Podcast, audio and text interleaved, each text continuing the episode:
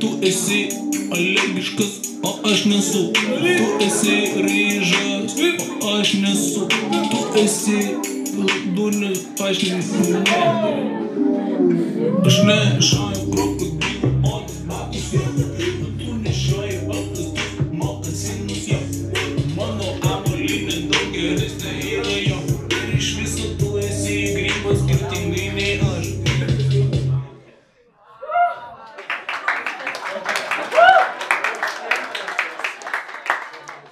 Galima sakyti, kad čia kaip tuo viskas ir pasakyta. Praktiškai žinutę norėjau perduoti, aš ją perdaviau. Visų pirma, tai aišku, turiu pasakyti, kad čia nėra mano kūrinys. Deja, kad ir kaip aš to norėčiau, gal reikia pagarsinti šiek tiek kolonėlę. Ir šventinis bankuchenas, kurie kai kurie iš jūsų aš matau esate dar mokykloje, kai kurie studijuojat, bet buvot susidūrę tikriausiai su šventinio bankucheno kūriniu pavadinimu a, Lietuvos istorijos repas. Tai čia yra a, tie patys žmonės ar tas pats žmogus, man atrodo, čia dabar jau dviesėje. Ir a, aš pasirinkau šitą nuostabų filosofinį kūrinį ne šiaip savo, bet norėdamas iliustruoti vieną tokią pagrindinę mintį ir apie ką mes šiandien kalbėsimės. Šita visa daina, aišku, jinai yra parodija, parodijuojanti šio laikinį repą, apskritai kultūrą, mūsų kultūrą.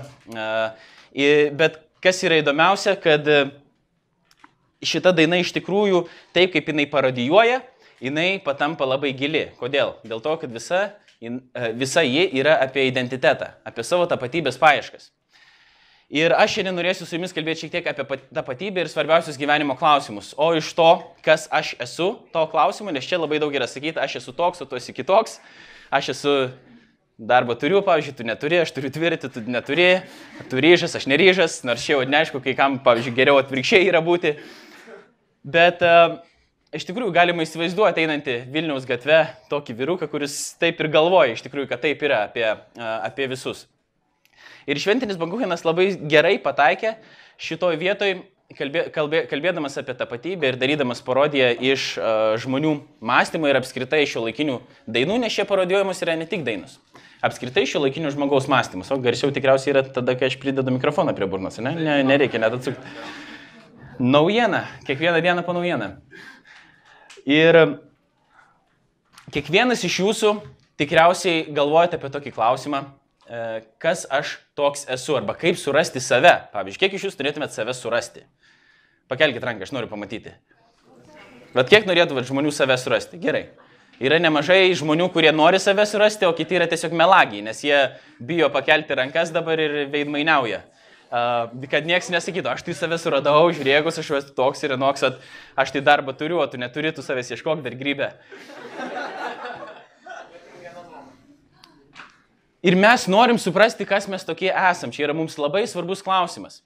Dabar aš padėsiu vienam iš šitų žmonių, kurie pakėlė rankas, e, padarysiu tą žmogų laimingu arba laimingą, kadangi įgyvendinsiu va tokią seną svajonę šito žmogaus atrasti jį arba ją.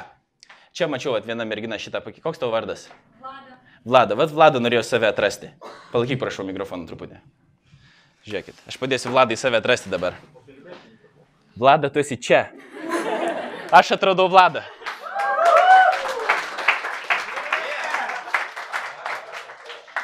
Save surasti nėra taip jau ir sudėtinga. Va, Vladas sėdi čia, nereikia važiuoti į Tibetą, į Indiją, dar kažkur lipti toli ant kalno, labai daug pinigų išleidus ir po to galvoji, kad tu užlipsi ant to kalno, ten sėdi kažkoks tu ir tu jį atradai ir tada jis labai gerai pasišnekat ir po to jumis, už, tada jumis uždaro tokią baltą palatą ir jūs su minkštom sienom. A, Aš aišku ironizuoju ir juokauju, bet uh, neretai žmonės kalbėdami apie tai, kad norisi save surasti, uh, būtent apie tai ir kalba, kad nesuprantu dar, kas aš tiksliai esu ir man reikia kažkokios patirties, man reikia kažkokios kelionės, man reikia uh, kažkokio susitikimo, kažkokio santykio, kad aš galėčiau suprasti, kas aš toks esu arba kas aš tokia esu. Ir kai kurie žmonės, ne kai kurie, iš tikrųjų dauguma žmonių, mane įskaitant, uh, tikiuosi nebe taip dažnai, mes bandom save apibriežti, savo tapatybę atrasti per tai, ką mes turim, per fizinius dalykus. aš turiu tokius drabužius, kiek dabar pagalvok tiesiog nuoš- nuoširdžiai apie save, kiek jūs laiko praleidote rinkdamėsi drabužius, kad šiandien su kokiais drabužiais ateisit šiandien čia į šeštadienio kavinę. Arba su kokiais drabužiais eisit į mokyklą, jeigu čia šeštadienio kavinė netaip svarbu, su kokiais drabužiais eisit į mokyklą ir panašiai. Jūs kūrėt save, atsistoję prieš veidrodį, kūrėt save bandydami sukurti save tokį, kokį norit parodyti kitiems. Namie, kai niekas kitas nemato, tokie, tokie nesat. Nereikia niekam pasirodyti. Galima būti tokiam, koks esi, save pažįsti, atrodo jų taip pakankamai neblogai, bet kitam save perteikti, norisi kažkokį kitokį, kažkokį geresnį. Ne? Lygiai tą patį mes darom su Facebook, su Instagramu. Reikia žmonėm, kai kuriems sakyti, uh, aplinkiniam ir pačiam savo pagalvoti, va, čia, sako, tas žmogus ten kažkur keliauja, va dabar ten nu- nuvažiavo, ten tą turi, pažiūrėjau, tą nusipirko ir panašiai. Bet čia, sakau, netikras gyvenimas yra. Tas žmogus gyvena paprastą gyvenimą, išvažiavo vieną kartą per metus arba dar kažką ir įdėjo nuotraukų iš ten, kai jam yra gerai, kai jam yra faina. Net nebūtinai gerai, gal prieš penkias minutės jisai pykosi ten su savo vaikinu, ar mergina, ar su vyru, ar žmona, ar su vaikais, dar kažko, kad nufotografuoktų mane, aš nenoriu man piršti, čia nėra interneto, man šlapia, čia tas lys, fotografuok ir tada gaunasi ten tokia nuotrauka ir, ten, ir viskas yra gerai, arba ten raumenys, arba ten koks nors entalijos parodimas, arba taip dar mėgsta žmonės fotografuoti, aš nežinau kodėl, egzorcisto pozą. Bet mes matom tą galutinį produktą, kur yra tas asmuo, kuris yra mums pakurtas, dar yra, aišku, uždėtas tas beauty efektas veido, po to dar yra biški truputį pa, pakoreguota, kažkiek, kad atrodytų geriau, ten e, plaukelis kažkoks patrintas, nuo akių išimtas tas raudonis ar dar kažkas raukšlė kokia patrinta. Ir galiausiai, aš nežinau, vat, daugiau laiko praleidi fotografuodamas tą nuotrauką, tą, tą save arba tave kažkas fotografuoja ir dailindamas prieš dėdamas į Instagramą, negu mėgaudamasis tą akimirką arba santykių su to žmogum, kuris tave fotografavo, kuris turi laukti penkias valandas, kol tu sugebėsi įdėti tą nuotrauką kažkam kitam, kad pažiūrėtų. Ir kodėl atrodytų, kas šį per nesąmonę? Kodėl mums taip reikia bandyti save tokį sukurti ir kažkam parodyti, bet mes turim tą norą kažkaip vat, save sukurti, nes mes netiks, tiksliai nežinom, kas mes tokie esam. Mes, ir mums sako, kad jūs galite save sukurti. L'Oreal, nes tu to verta. Ar ne? Tu esi verta to.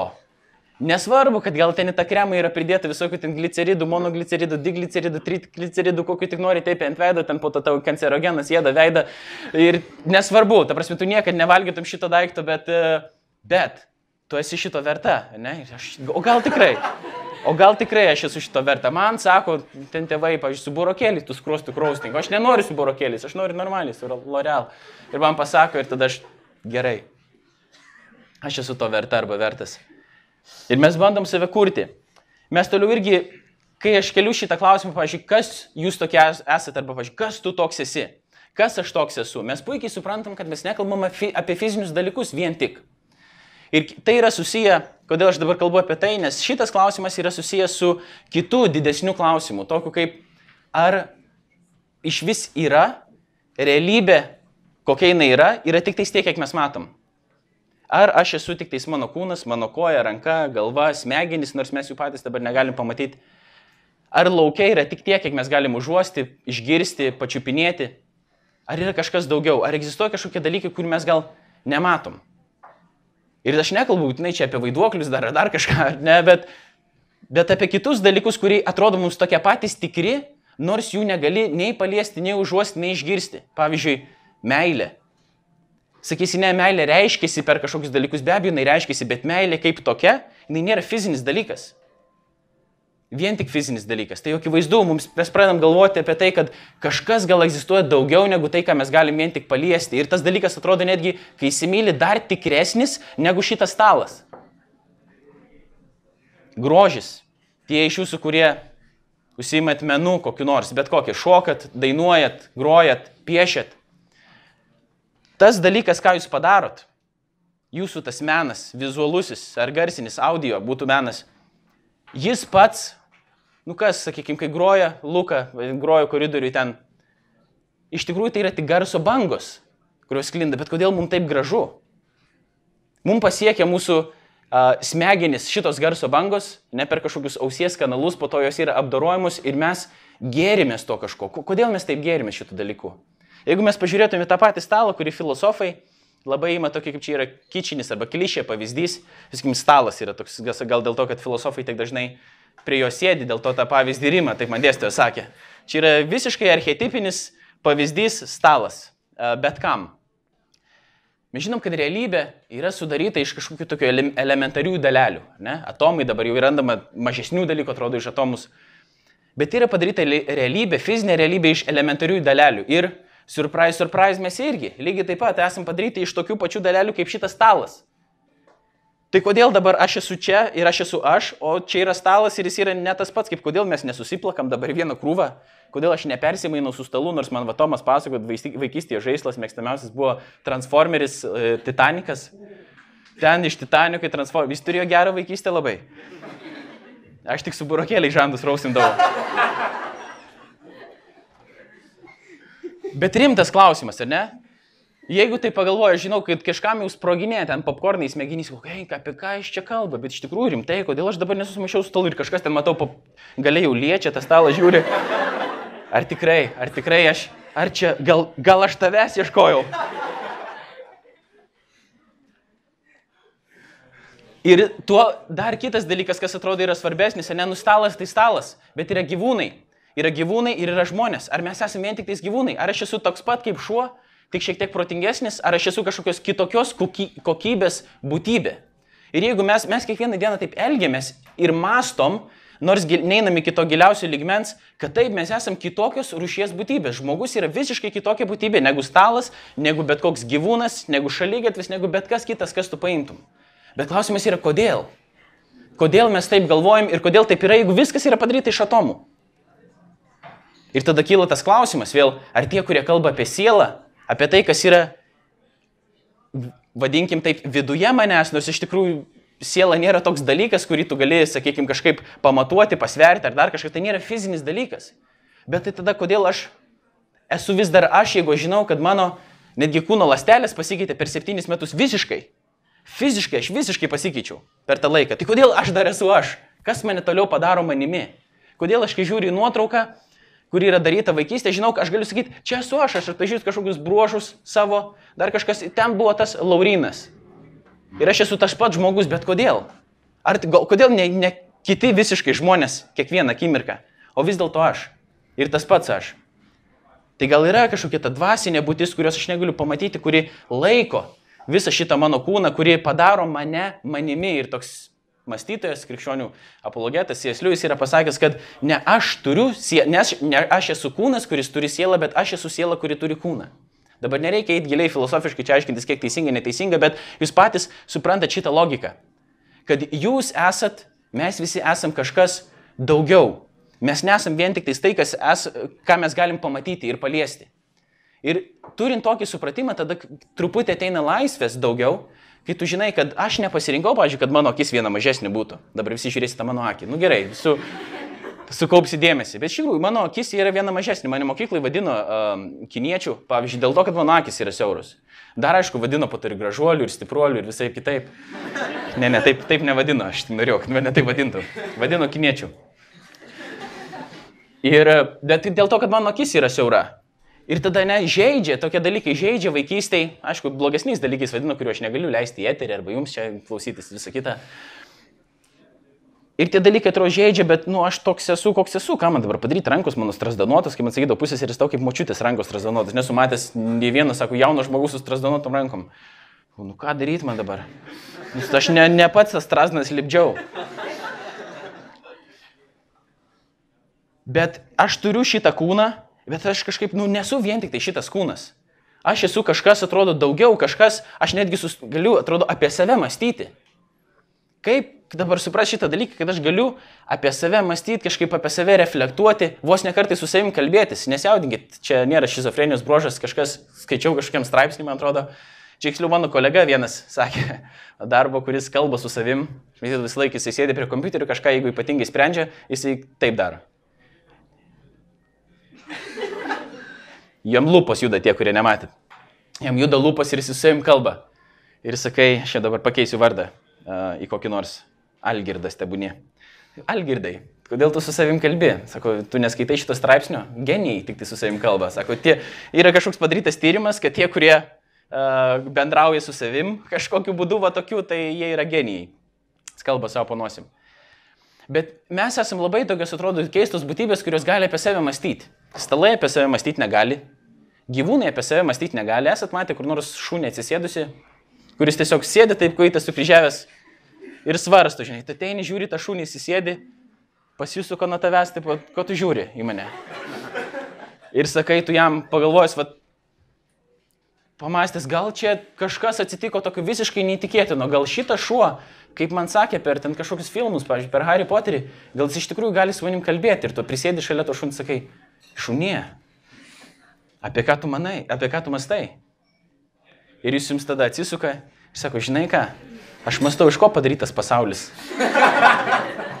Kokia gyvenimo prasme. O tu, mažasis žmogau, apie ką tu galvoji? Apie savo ryžą arba neryžą galvą? Apie tai, kiek tu uždirbsi pinigų? Ką tu nešio žiūrėk, aš esu laisvas, aš be drabužių. Aš galiu visiškai atsidėti refleksiją ir mąstymą. Žinom, kad taip nebūna. Taip nėra. Kodėl? Dėl to, kad gyvūnai apie save nereflektuoja, yra kitokios būtybės. Mes apie save mąstom. Gyvūnai negali, žmogus turi tokią dovaną kalbėti ir ne tik aš irgi, kai kalbu, vyksta įvairios reakcijos fizinės, kurios ne, nebūtinai mums yra matomos, bet taip pat irgi taip pat sklinda garso bangos. Bet jūs ne tik garso bangas priimate, jūs girdite kažkokią informaciją. Ir jūs dar mane kažkaip suprantate, sugebate tą informaciją kažkaip iššifruoti. Informacija nėra fizinis dalykas. Informacija nėra tik garso banga. Aš prie ko dabar vedu? Aš vedu prie to, kad gyvenime yra labai daug dalykų, kurių mes nematom, niekada nepamatysim, bet jie yra žymiai tikresni, negu mes galėtumėm pagalvoti. Ir jeigu pagalvom iš tikrųjų, tai ir suprantam, kad taip yra. Kad egzistuoja, kad realybė yra žymiai platesnė, negu mes kartais pagalvojam. Ir jums dabar kaip jauniems žmonėms yra tai ypatingai svarbu, kadangi, a, leiskit man atspėti, čia pasinaudojant kai kurių mano irgi draugų išvalgom, kokius dabar naratyvą girdite, arba istoriją, arba pasakojimą, vos ne kiekvieną dieną, jeigu esate mokykloje arba universitete. Jeigu esate mokykloje, girdite daug maž taip. Tu dabar turi gerai mokytis, pabaigti mokyklą, įstoti į universitetą, į gerą specialybę, kuri tau užtikrins pagrindą, čia yra mistinis toks žodis, pagrindas, viskam absoliučiai jisai tinka, tu turi turėti pagrindą. Pagrindas, aš jums išversiu į lietuvių kalbą, ką reiškia pagrindas, kai tokie žmonės jums sako, ką jums reikia padaryti. Pagrindas tai tiesiog yra daug pinigų. Tau reikia tada turėti pagrindą, nesvarbu, kad tu nekenti to, nei tų studijų, nei tos mokyklos, nei to darbo, bet tu dirbi to pagrindo. Tada tu pabaigsi universitetą, tu pradėsi dirbti tą darbą, tu turi turėti, uždirbti normaliai pinigų, tada turėti kažkokį statusą, šluoti gatvę yra ne fasonas. Čia yra jau, nes, nu, ta prasme, ne gatvė šlavėjas tu turi būti, tu turi, į tave turi kažkaip žiūrėti, ką tėvai apie tave pagalvos. Kad kaip tėvai, net ne ką pagalvos, ką tėvai pasakys savo draugams apie tave, kai susitiks. Mano, va, žinai, mano tai sunus išvažiavo į Vilnių, Vilnius universitete mokus, čia normaliai ta, a, fizika, o, fizika, o čia teisininkas, ne, te, o teisė, o teisė, daug teisininkų, jo, bet mano ta teisininkas, tas tai, žinai, geresnis, jis įdarbina ten tokį law and makers, ne, agency, ir jie ten sprendžia, ten ginčius važinėjasi į Briuselį, ten visą kitą, a, nu, čia kaip gerai, kaip gyvena per kunkėmį, ne, per kunkėmį, irgi čia ne per kunkėmį, čia žvėrinį gyvena, čia viskas gerai, o pas tavę, o tas fizikas čia, čia, ne, ir pasikalba, būtų pasididžiuoja, ne, koks, na, gal primelavo, gal ten ne, net sunaus neturi, pamiršo, bemeluodamas meluodamas, bet tam savo norėdamas pasigirti, bet, nu, iš tikrųjų, o ką, ką aš pasakysiu, va, tėvai spaudžia savo vaikus, nes ką aš pasakysiu savo draugams, kas gavosi iš mano sunaus. Arba iš mano, ką aš luoja gatves, išvažiavęs kažkur, nežinau, papiliai. Niekas taip nenori. Ir patys mes taip nenorime. Mes norim kažką turėti, kažkokį statusą ir turėti kažkokį pagrindą. Tada, kai jau turėsi kažkokį pagrindą, tada tu gali daryti, kurti šeimą, nes prieš tai tu turi būtinai draugauti, tu neturi pagrindų, tu negali kurti šeimos. Ir iš tikrųjų mes žinom, kad čia yra tiesiog uh, apsimetimas arba noras neįsipareigoti kitam žmogui, tam, kad tu galėtum turėti laisvą koją ir kada ir nepatogu išeiti iš to santykio. Ir po to, jau kai tu tada jau gal kada nors sugalvo, tą šeimą sukursi, pabandęs, aišku, kokius 17 kitų žmonių, su kuriais šeimos nekūrė, bet ką nors reikėjo paveikti, patikrinti, pažiūrėti, kaip čia viskas veikia, fiziškai, emociškai, dar kažkaip, psichologiškai, galiausiai sutinki tą kitą žmogų, būdų įsidraskė ateina į tokį dalyką vadinamą santoką, 50 procentų Lietuvo šeimų skiriasi pagal statistiką ir tada galiausiai augina vaikus ir tada nepatenkinti, kad savi yra priboję, dar kažką, nes norėjo iš tikrųjų tai kažkokį pagrindą kurti arba savo svajonės realizuoti ir po to galiausiai miršta. Gyvenimas. Ir tada norisi klausti, bet ar yra kažkas daugiau negu tai? Ir aš atsistojęs priekį ir ne priekį ir iš galo nesvarbu, kur stovėčiau, noriu sakyti, yra. Ir akis kai kurių nušvinta. O kasgi tai, Laurinai? Pasakyk man. Aš norėčiau sužinoti ir gyventi atitinkamai. Yra toks žodis. Kažkas pagaudamas. Atitinkamai. Jis netaisyklingai pasakė vieną raidę. Specialiai pasakė, supratai, čia vairs. tai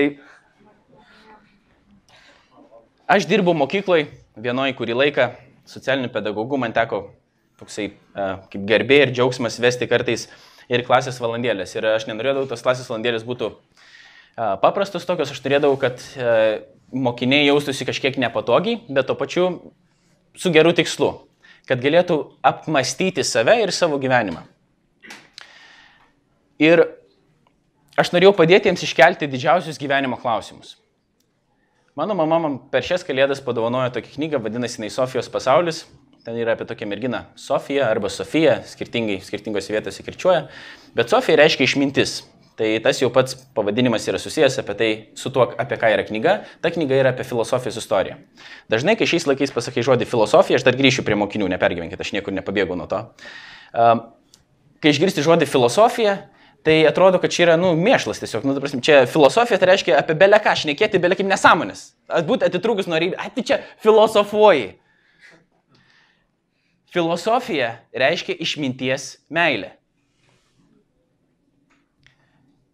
Ta mergina, jos vardas yra Sofija, jinai vieną dieną eidama su savo drauge iš mokyklos, beje, jai buvo gal 14 ar 15 metų, čia aišku, pramanyta istorija, jinai rado savo pašto dėžutį įmestą tokį laišką, kur buvo, buvo parašyta, um, įvadas ir visa kita, kažkoks nepažįstamas vyras jai parašė laišką, atrodo, čia jau krypi, baisu, bet uh, parašė į laišką.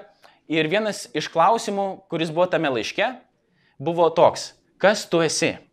Jis galvoja, kas šiaip, aš nežinau, kas man parašė tą laišką, kažkoks keistas žmogus, su kažkaip keistai man prisistato ir pirmas jo klausimas man yra, kas tu esi?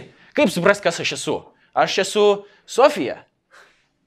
Tada, bet palauk, jinai pati savo galvoja, ir čia yra prašomas jūs mintis, bet aš esu Sofija, bet kas yra Sofija, ką tai reiškia?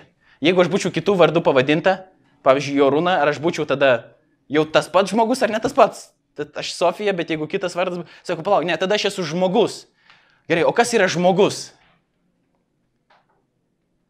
Ir ta knyga po to, jai daugiau tų laiškų ateidavo ir panašus įvairius klausimai, ir po to ta knyga perėjo per visą filosofijos istoriją, pristatinėdama, um, sakykim, tokia pasakojimo formatu uh, apie tai, kaip vyko um, filosofinis mąstymas uh, per visą žmonijos istoriją, kiek mes žinom. Aišku, kiek mes turim dokumentų dar atrastų.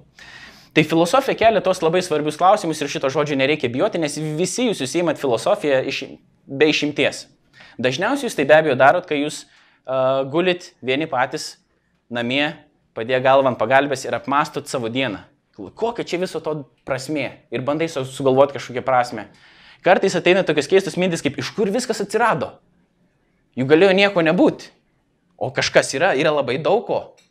Bet tada galvoju, bet kaip aš galiu kažkam tokius klausimus pasakyti, mane nudurnins. Aš juk normaliai reikia ateiti tenais, e, ten tas elektroninės cigaretės, reikia parūkyti toletę, dar kažką kartu susibūrusi kažkokį grupelę, ten dar kažkur nueiti, patusavot ir kažkokį užmesti savo įvaizduką normaliai. Kaip aš keliuosi tokį klausimą, aš vienas pats galiu pagalvoti, bet kitiems aš negaliu pasakyti. Ir ta pati Sofija, kai jinai pradėjo kelti panašius klausimus savo mamai, kai sako, kas aš esu, arba iš kur atsirado viskas.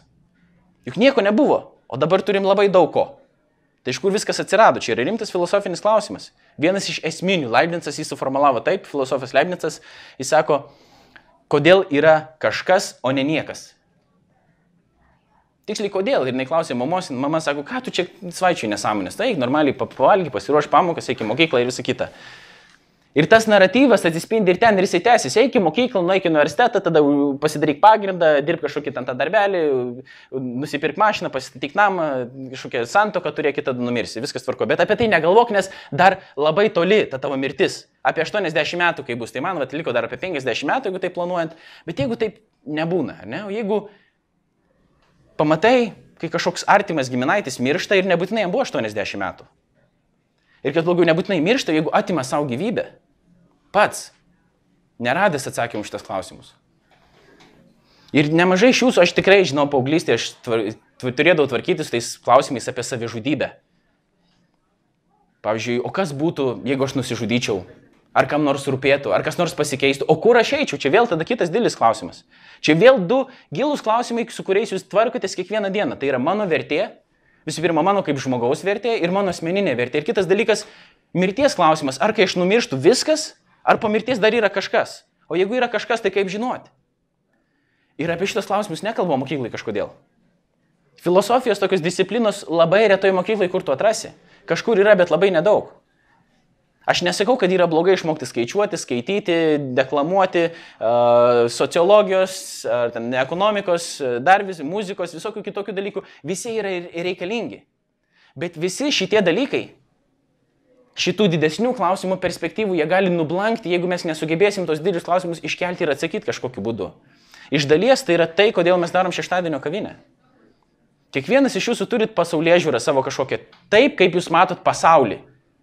Žiūrite tai, ką jūs matot aplinkui ir jūs matot tai kaip likti per kokį lęšį, per kažkokius, vadinkim, akinius. Kai kurie iš jūsų tikrai turite akinius ir jūs matot, va, kad kai jūs įdedat akinius, akinius, akinius, aš esu Vilnietis iš mažiekių, akinius, ratai kaip akiniai. akinius, kai jūs įdedat akinius, akinius. Kai jūs įdedat akinius, jūs matot pasaulį šiek tiek geriau negu tai, kol jis buvo be jų, ar ne? Tie, kurie esate dabar su jais. Augustinai, teisybė? Ir yra maloniau tikriausiai matyti pasaulį geriau, kažkokį ryškesniem spalvom, labiau tokį, negu taip, kaip buvo prieš tai, kai viskas liejasi, nebeįmatai. Ir gal matėt, buvo toksai vadinamas viral filmukas praėjęs per e, Facebook ir YouTube, kai žmonėm, nežinau, čia yra tikras, netikras, jis vadinamas fejkas ar ne fejkas, kai duoda akinių žmonėm, kurie buvo uh, daltonikai ir nematė spalvų. Ir jiems duoda tokius akinius ir jie tada pradeda matyti spalvas ir tada, uh, esat matę, ne kažkas? Jie pradeda verkti, ašaruoti, jiems visas, jie nusima tos akinius, negali patikėti, susideda vėl, jiems matosi pasaulis vėl kažkaip kitaip ir jie nori matyti tą pasaulį ryškiom tikriom spalvom. Tai ką tas pasaulis nebuvo tikras aplink juos prieš tai? Buvo tikras. Bet jie nematė jo iki galo tokio, koks jis yra. Jie dabar pamatė jį ryškiau, jie pamatė jį geriau. Ir kiekvienas iš mūsų mes matom pasaulį kažkiek tokį, koks jis yra. Mes matom, kad čia yra stalai, kad aš esu žmogus, kad šitie aplinkui visi esantys yra žmonės, nors mes nebūtinai vieni su kitais kaip su žmonėmis elgiamės. elgiamės. Dažnai mes sakom, būk žmogus. Tik aš nebuvau žmogus iki tol. Ką reiškia būk žmogus?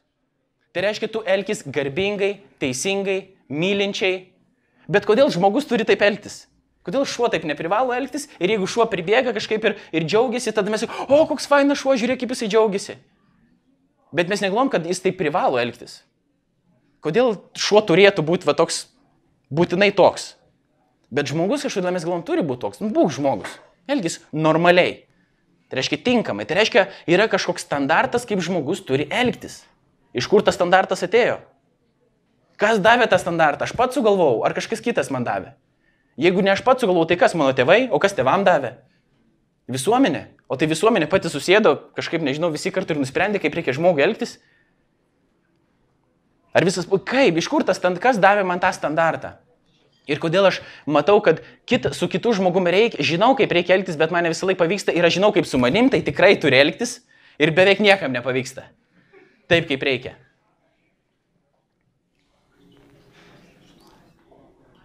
Ir ką aš noriu pasakyti, kad yra keli esminiai gyvenimo klausimai, į kuriuos jūs, aš dabar pasakysiu, privalot ieškoti atsakymų ir juos kelti. Ir mes šitai tai darom, kad galėtumėm padėti iškeltus klausimus ir tų atsakymų ieškoti. Nes ta pasaulyje žiūra, nes pasaulyje žiūros, kaip minėjau, yra, jų tu neišvengsi. Bet nors mes matom tą realybę kažkiek ir kažkokia kažkaip, o gal jinai yra tikresnė, gal mes ją galim pamatyti geriau, gal mes realybę matėm ne visai tokio, kokia jinai yra. Pagalvokit patys apie save. Prieš 2, 3, 4, 5 metus buvo dalykų, kuriuos jūs vertinot visiškai kitaip negu dabar. Ir dabar jūs galvojat, kad aš suprantu geriau, negu prieš tai supratau. Realybė buvo tokia pati, bet aš dabar suprantu geriau. Dabar mano pasaulė žiūra šiek tiek pasikeitė. Ir kai, kai aš sakau geriau, reiškia, kad mano supratimas labiau atitinka dalykus taip, kokie jie yra. Tai reiškia geriau.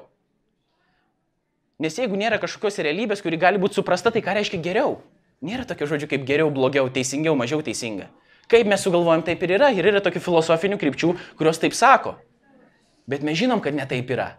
Mes turim tą vadinamą angliškai gut feeling, mes jaučiam savo viduje, likti savo skrandėje, pilve, kad ne taip yra.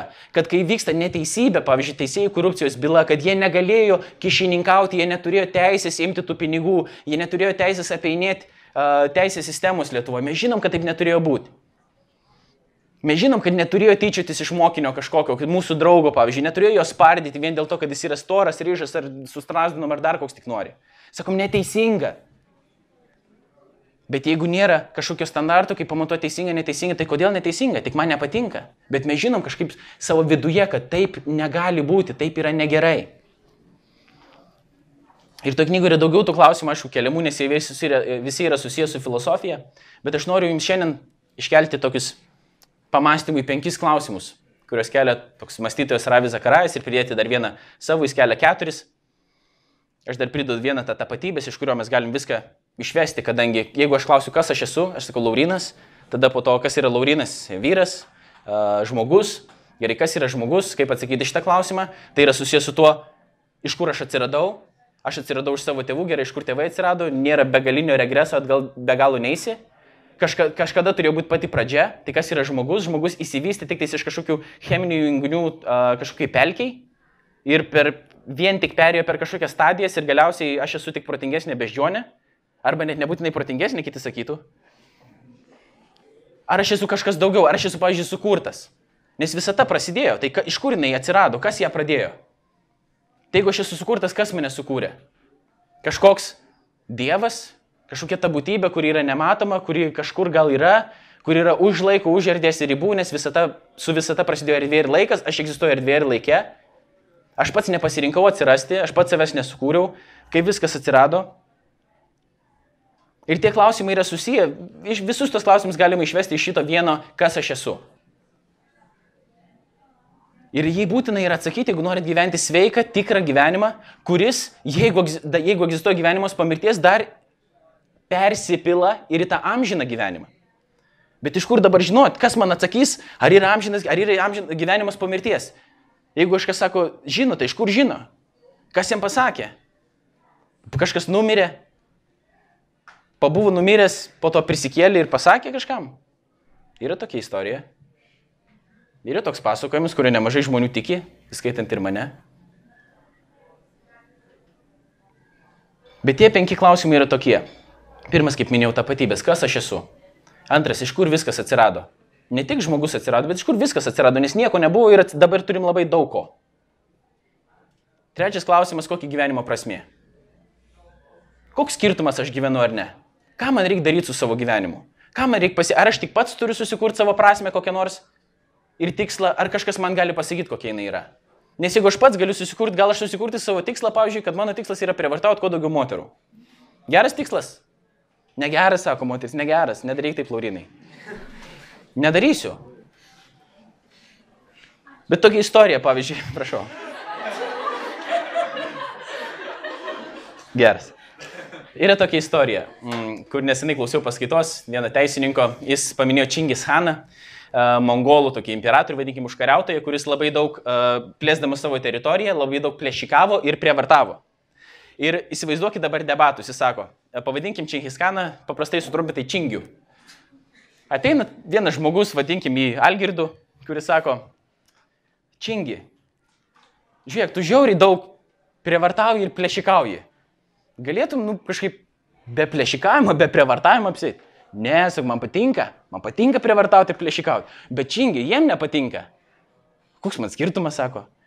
Nu, bet žinai, tu neturėtum daryti nieko tokio, kas skaudina kitą. O kas taip sakė? Kantas. Tai toks buvo filosofas Kantas, kuris sakė, kad reikia elgtis taip, kad tavo elgesys arba tavo elgesys visi modeliai taptų visuotino elgesio maksima. Reiškia, elgis taip, kad nori, kad visi kiti, jeigu taip elgiasi, tai būtų gerai. Ir tada tu bandai dabar čingi taip įrodyti per kanto argumentaciją. Va čingi, kantas pasakė, nors kantas gyveno žymiai vėliau negu čingis. Sakau, aš buvau ateity, Algirdas, turiu tokią mašiną. Grįžau, dabar sakau tau. Kantas pasakė, kad tau reikia elgtis taip, kad jeigu tu nori, kad taip visi elgtųsi, tada būtų gerai pasaulyje. A tu norėtum čingą, kad visi prievartautų ir plėšikautų? Čingis sako, hm. Nu ne, nenorėčiau, bet koks man skirtumas? Nu, žinai, čingi, bet pavyzdžiui, jeigu dabar paims tave pagausiu, pavyzdžiui, aš tave pagausiu ir išprievartausiu. Hmm, patiks tau. Sako, tu taip nepadarysi, Algirdai. Sako, kodėl? Dėl to, kad aš kačelinuosi, tu gausi normaliai nuosi ir tada aš tave išprievartausiu. Ir matot, koks čia yra absurdas, tokia argumentacija, kai bandai įrodyti stipriam ir galingam, kuris sako, aš galiu pats nuspręsti, ką aš noriu daryti su savo gyvenimu ir tu jam sakai, ne, ne, ne, rūpinkis kitais. O kas jeigu tau tai atsitiktų? Sako, aš turiu kariuomenę, aš pats esu stiprus, aš pusę pasaulio valdau. Koks man skirtumas, ką kiti nori? Aš įsikiriu savo tikslą. Ir tas Algirdas jam negali pasakyti, kad tu darai negerai. Gali tik bandyti įtikinti ir jam sakyti, tau nepatiktų, jeigu tau taip darytų. O negerai mes galim pasakyti tik tada, jeigu yra kažkoks standartas, kuriame yra iššaknyta moralė. Krikščionis tradiciškai tai vadina Dievu. To, ko mes negalim pamatyti. Tai tas Dievas ir duoda gal kažkokį gyvenimo prasme, ar taip gali būti. Jeigu mes esam sukurti, tai su kokiu tikslu mes esam sukurti? Šitas kompiuteris, kuris yra čia, jis yra sukurtas su kažkokiu konkrečiu tikslu. Jeigu aš dabar paimčiau šitą kompiuterį nusprendžiau, kad aš su juo pakaituosiu, atsistosiu ant jo vietoj lentos ir pakaituosiu, Nieko nepavyks, tas kompiuteris užlaps, nuskęs viskas. Jis netam yra sukurtas. Ar ne, nėra taip, kad mes patys, nors mes esam sukurti vieniems tikslams ir vieniems dalykams, mes sakom, o aš pabandysiu save kažkur panaudoti taip, pažiūrėsiu kaip eis. Gal čia yra mano gyvenimo tikslas ir prasme. Ir tada mes bandom ir lūštam ir duštam, matom, kad ne tai buvo. Ne tam aš esu padarytas, ne tam aš esu sukurtas, esu tvertas. Man kažką kitą reikia daryti. Kas man pasakys? Aš pats nebegaliu įsiaiškinti, man yra sunku. Man daug žmonių sako, tau ką reikia daryti. Žinot, kas jums daugiausiai dar sako, be aplinkinių ir tėvų, yra televizijos žvaigždės kurie arba verda ką nors, arba šoka, arba yra prasivėrę auskarą kažkur, arba turi ten kažkokią tatuiruotę, arba save daug fotografuoja. Jie yra šiais laikais dabar tie, kurie gali jums pasakyti, ką reikia daryti su savo gyvenimu. Septynis kartus įsiskyrė, absoliučiai bankrutavę, nusigėrė, at, pakilę iš kažkur ir sako, aš supratau, kokia yra gyvenimo prasmė. Iš kur tau, tau Dievas pasakė, ta prasme, tu... Ne, aš pats supratau, aš pats sugalvojau. Gyvenimo prasme yra gyventi dėl savęs. Nes aš visko nusivyliau, reiškia, gyvenimo prasme yra gyventi dėl savęs. Ir mes žinom, kad čia kažkas negerai. Tu gal nusivylai visko, bet tai dabar nereiškia, čia turi man sakyti, kad visų gyvenimo prasme yra tik dėl savęs gyventi. Bet jeigu mes esam sukurti, tai gal, kaip, pavyzdžiui, šitą paveikslą, kai kažkas nutapė, mes geriausiai galim jį suprasti, nes aš nesu tikrai meno žinovas, man čia yra daug visokių dalykų, papaišyta. Bet aš tik norėčiau suprasti, vat, o kas čia yra, kas čia yra nupiešta. Geriausiai, kaip aš tą galėčiau padaryti, aš turėčiau nueiti ir paklausti autorius, sakyti, ką tu turėjai omeny, kai tu tai padarai ir autorius man pasakytų. Tai jeigu mes turim autorių ir jeigu pasaulis turi autorių, argi negeriausia yra paklausti to, kuris viską sukūrė, o kam aš esu sukurtas, kam aš esu padarytas, koks mano yra tikslas prasme. Apie toliau ketvirtas klausimas Aš jau jį minėjau, tai yra moralės klausimas, tai yra kaip žinot, kas yra gera ar bloga, ar yra toks dalykas kaip geris ir blogis. Ir jeigu galvojat, kad tokio dalyko kaip geris ir blogis nėra, aš labai greitai galiu tai panaikinti šitą jūsų iliuziją. Nes labai daug jaunų žmonių sako, kad nėra tokio dalyko kaip geris ir blogis. Pabandykite dabar, nors vieną kartą, kai jums kils toks jausmas, kad čia yra neteisinga, negera, taip negali būti, nesažininga, mokyklai, su tėvais, su draugais, dar kažkas, savo pasakyti, Taigi nėra čia gero ir blogo. Čia jam taip atrodė, man kitaip atrodė ir tada nusiramini ir viskas, esi laimingas, vėl toliau. Visiems atrodo taip kitaip. Žinom, kad taip nėra, kyla tas piktis nervas, neteisinga, negera. Kodėl? Nes yra. Ir ypatingai mums nepatinka, kai mums svarbius dalykus sako, kad tau negalima, pažiūrėjau, to daryti. Labai noriu su draugais. Nesažininga, negalėjai. Nesažininga, negera, kodėl tu man taip sakai. Ir paskutinis tas klausimas, kaip minėjau, ar yra kažkas po mirties, nes mes skaičiuojam Savo metus mes galvom, kad nugyvensim apie 80 metų dėl to tai yra pakankamai toli, dėl to apie mirtį nereikia galvoti. O jeigu kažkas ir yra po mirties, nu tai aš esu kaip ir normalus žmogus, jeigu yra tas Dievas, nu tai kažkaip priims vis tiek. Nesvarbu, kad aš jo netikėjau, bet aš naidau karts nuo karto į bažnyčią. Šiaip žvakelį uždeg dėl viso pikto. Arba šiaip ko įkėliau, pažiūrėjau ten kažką, prieš egzaminus pasimelsdavau, nes baisu. Šiaip tai aš ateistas, bet prieš egzaminus. Čia ne apie save aš kalbu, aš cituoju. Bet jeigu yra, aš dabar jums bandžiau parodyti, kad jeigu realybė yra platesnė, negu mes galim tik pamatyti ir apčiuopti, ir jeigu egzistuoja iš tikrųjų kažkokia tokia būtis, kuri mums, gali, kuri mums davė gyvybę, kuri mums gali pasakyti, kas aš toks esu, koks yra mano gyvenimas, tikslas ir prasme, kuri man gali pasakyti, kas yra gerai ir blogai, kuri mane gali ti- tinkamai nukreipti, kurie gali man padėti gyventi ir man gali suteikti netgi amžiną gyvenimą. Ar nebūtų, jeigu taip yra ir jeigu kažkas iš jūsų taip galvojat, bet atitinkamai negyvenat, tai mes matom, kad čia yra didžiausias tarpas tarp mūsų mąstymo ir tarp mūsų elgesio. Bet jeigu negalvojat taip, bet galvojat, kad yra šansas, argi ne, būtų, yra galimybė, kad tai būtų. O gal yra galimybė, kad Dievas yra? Tai irgi tai nėra pats svarbiausias klausimas, kurį galima išsiaiškinti. Ir dabar, bet kaip tu gali žinoti? Ir yra daug būdų, apie ką galima kalbėti. Ir aš tikiuosi, čia yra ne, pirm, ne paskutinis kartas, kai jūs iš šeštadienio kavinį ir galėsim dar daugiau apie tai pasikalbėti. Bet vienas dalykas yra toks. Jeigu Dievas yra, jeigu egzistuoja ta kažkokia būtis, kuri yra už laiko, už erdvės ribų, savame egzistuojanti, sukūrusi viską ir sukūrusi mus, krikščionybės, pagal krikščionybės supratimą Dievas sukūrė kiekvieną iš, iš jūsų ir mane įskaitant pagal savo atvaizdą. Dėl to jūs ir esat vertingi, esat kitokios rūšies, kitokios būties negu stalas, negu šuo, negu dar kažkas. Ir esat tiek vertingi, nors mes patys nusisukom nuo Dievo, mes nenorėjom gyventi taip, kaip Dievas norėjo, kad mes gyventumėm, norėjom patys būti savo dievais. Jis nenorėjo mūsų pasmerkti ir atėjo į šitą pasaulį. Ir mums kalbėjo. Tai jeigu Dievas yra, klausimas yra kitas, ar jis yra kad nors kalbėjęs? Ar yra kad nors pasakęs apie save?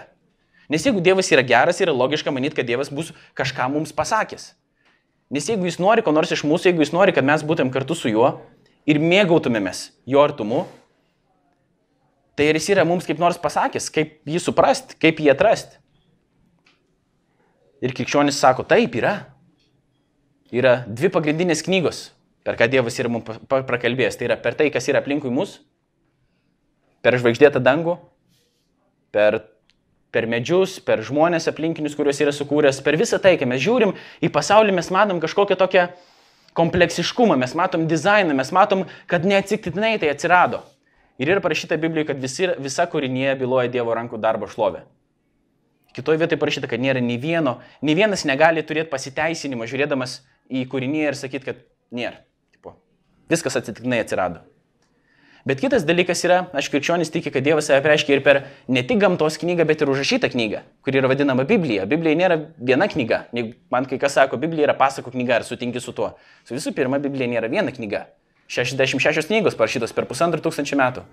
40 skirtingų autorių. Tai čia yra kita knyga, kur Dievas mums prakalbėjo. Tai yra Dievo ir žmogaus istorija, ką jis yra padaręs. Ir skaitydamas ją, tu gali sužinoti kažką apie Dievą. Bet kas yra įdomiausia, kad kai mes kalbam, kaip mes kalbam? Žodžiais. Mes sakom žodį. Ir mes taip kalbam vienas su kitu. Ir Dievo žodžiu yra vadinamas Jėzus Kristus. Dievas kūrė žodžiu viską. Ir tas žodis yra parašyta, kad atėjo į šitą pasaulį. Krikščionis dabar tiki tokių keistų dalykų, kuris kai kam gali atrodyti, kad Dievas ne šiaip prabilo ir kažkur sakė, va, jūs maži žmogelį turi tą ir aną daryti, bet kad Dievas, tam, kad mes jį suprastumėm geriau, priėmė žmogaus kūną ir atėjo kaip vienas iš mūsų. Ir Jėzuje Kristuje apsigyveno Dievo pilnatvė, taip yra parašyta. Žiūrėdami Jėzų Kristų, Jėzus nėra šiaip kažkoks gūrų, nors čia mano gūrų, ne jis nėra toks gūrų, jis yra geriau negu mano gūrų. Jis yra mano, bet jau ne gūrų, viešpats. Ir jis mums pa- parodė, kaip, kaip reikia būti tikrų žmogumi, iš tikrųjų tikras žmogus, kaip turi gyventi tikras žmogus ir ką žmogus padarė, kai Dievas įsikūnijo ir atėjo šitą pasaulį. Nesakė, o kaip fain, Dieve, tu atėjai, žiūrėk, mes tave pagarbinsi. Buvo nedaug žmonių, kurie tai padarė. Kiti sakė, užmušti jį. Nes jis ne taip daro, kaip mes pripratę esam. Kažkokias nesąmonės, jis per geras, jis kažkoks per teisingas, jis per daug autentiškas yra, jis nieko neslėpia, jis sako taip, kaip yra, iš jo eina kažkokia gale, jis yra kažkoks kitoks, jis yra kažkoks keistas, bet tikras, bet mes negalim jo pakelti, reikia jį užmušti. Taip ir buvo. Bet Dievas tai žinojo ir jisai paguldė gyvybę iš meilės yra parašyta. Aš dabar neišpasakosiu visos Evangelijos, ši yra vadinama Evangelija. Evangelija. Geroji naujiena, kad Dievas mums save apreiškė. Ir jūs myli kiekvieną iš jūsų. Ir yra dar parašyta, kad Dievas apgyvendino mus kiekvienu tinkamu laiku ir tinkamu vietoj, kad mes jo ieškotumėm ir tarsi apčiopom rastumėm. Tai gal jūs neatsitinai šiandien čia irgi atėjot? Gal jūs galit ieškoti, kažkaip pabandyti atrasti ir paklausti to, kuris jumis sukūrė, ne, ne, ne, ne kažkokas per televizorių vien tik kalba, ne Laurino, nebūtinai manęs. Aš nebuvau krikščionių iki 26 metų. Keturis su pusę metų aš tik tais tikiu dabar, kad Jėzus Kristus yra tas, kas jis buvo, kad jis buvo Dievas, kad Dievas yra toks, koks jis yra ir panašiai. Aš to ilgą laiką netikėjau. Bet kažkaip tas Jėzus sugebėjo pakeisti mano gyvenimą. Pasakyti man, kas aš toks esu, jame galiu rasti ramybę, nepergyvent, kad aš šitą mėgstinį nešioju kokį 17 metų. Žygis mane traukė per dantį, sako, aš tą naują mėgstinį nupirksiu. Gerai, viskas yra. Rankovės, biški patriušusios, bet viskas yra gerai. Yra ramybė, nes aš žinau, kas aš toks esu. Kartais aš pametu tai savo, aš pametu tą tikrąjį pagrindą savo iš pokojų, supratimo, tas, kas aš esu. Ir tada aš pradedu jaudintis, kaip šiandien, nerima, nerimangs, tas ner, nerimastingumas. Neveikia tas, neveikia nas, kaip čia bus, šiandien tą sujungti, tą kolonėlį neveikia. Ramybės, Laurinai, viskas yra gerai. Yra žmonių, kuriuos Dievas sukūrė, yra šitie žmonės yra Dievo mylimi, nereikia pergyventi dėl tos aparatūros, dar dėl kažko, reikia su jais būti, juos mylėti, su jais bendrauti, turėti su jais santyki. Ir, sakys, myžnius apsiverkė. Bet taip yra. Aš tikiuosi, kad jums yra gera čia būti, kad jūs norite čia būti, kad jūs norite suprasti daugiau viens apie kitą, svarbiausia suprasti daugiau apie save ir paklausti to, kas jumis sukūrė, kas aš toks esu iš tikrųjų, kaip man reikia gyventi. Ir šitas gyvenimas, nors jis yra be galo sunkus, nes mes negyvenam idealiam pasauliu, kuris galiausiai bus atstatytas, bet jis yra tikras gyvenimas. Ir kas nenori gyventi tikro gyvenimo. Tai prateskim tos pokalbius, pabendraukim viens su kitu, net jeigu ir nesutiksim viens su kitu, ieškokim tų atsakymų, kelkim tos klausimus, bandykim įsiaiškinti, skaitykim, diskutuokim, klauskim ir mylėkim viens kitą, net jeigu nesutinkam, nes nesutikti tai dar nereiškia nemylėti. Galima nesutikti ir mylėti vis tiek tą kitą žmogų, nesutinkant. Bet realybė jinai kažkokia yra. Ir jeigu jinai kažkokia yra, gal mes galime įsiaiškinti, kokia jinai yra. Ir aš drįstu sakyti, kad iš tikrųjų taip.